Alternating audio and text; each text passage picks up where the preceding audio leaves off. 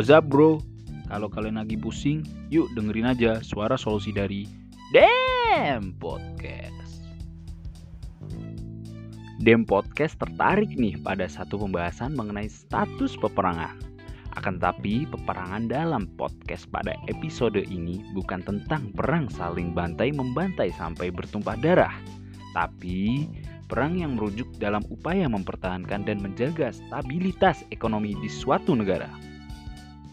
Ya, perang dagang yang saat ini sedang gencar antar negara karena suatu ketegangan ekonomi yang terjadi di dua negara yang sebelumnya sudah saling bekerja sama dan terikat dalam hubungan dagang. Dalam kamus ekonomi dijelaskan bahwa perang dagang adalah suatu konflik ekonomi yang dilakukan dengan memperlakukan kebijakan pembatasan impor pada dua negara yang terlibat. Negara yang terlibat dalam perang dagang di garis Pasifik yang pertama adalah negara Australia yang merupakan sekutu negara Amerika Serikat.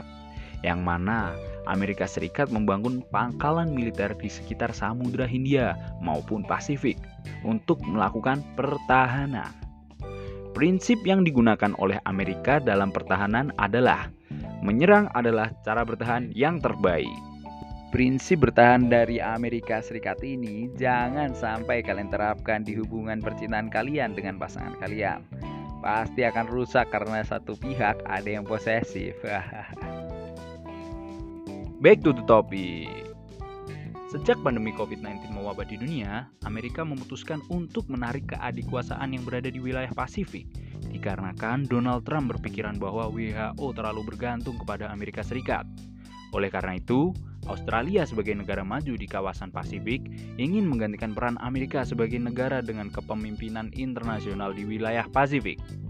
Serta Australia secara otomatis berkeinginan untuk menangkal pengaruh Cina di Laut Cina Selatan dan negara-negara Pasifik.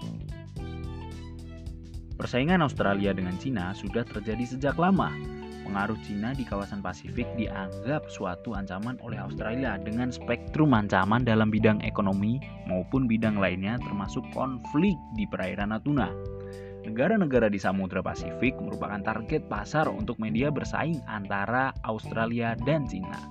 Pasti kalian bertanya-tanya, apa sih pengaruh dari perang dagang antara Australia dan Cina bagi Indonesia?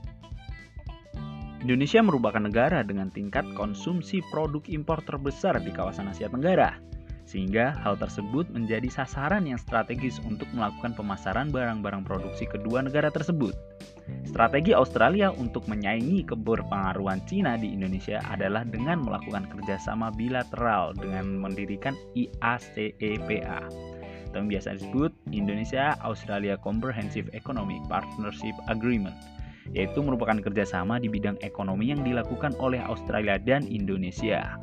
Tapi dari kerjasama ini kurang menguntungkan bagi Indonesia dan lebih condong kepada keuntungan Australia.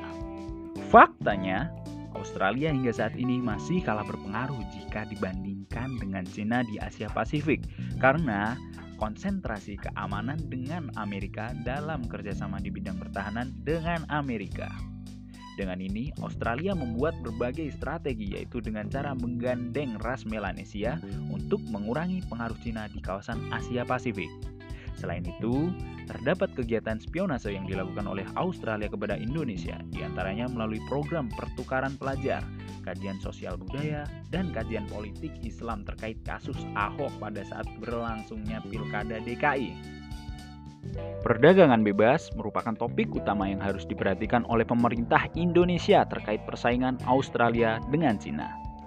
Karena dalam bidang ini banyak pelanggaran yang sering terjadi.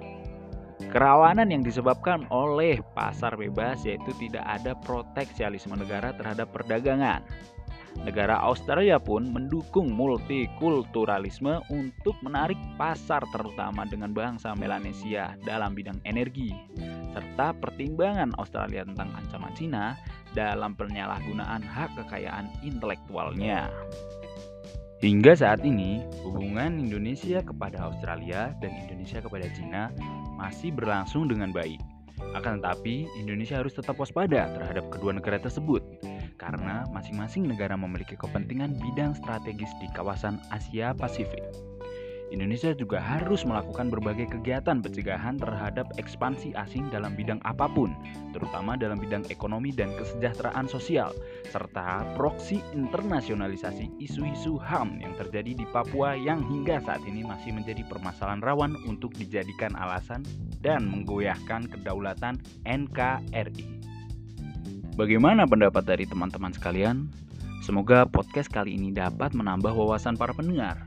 Nantikan episode selanjutnya dari Benak Belajar Sejenak bareng Dem Podcast.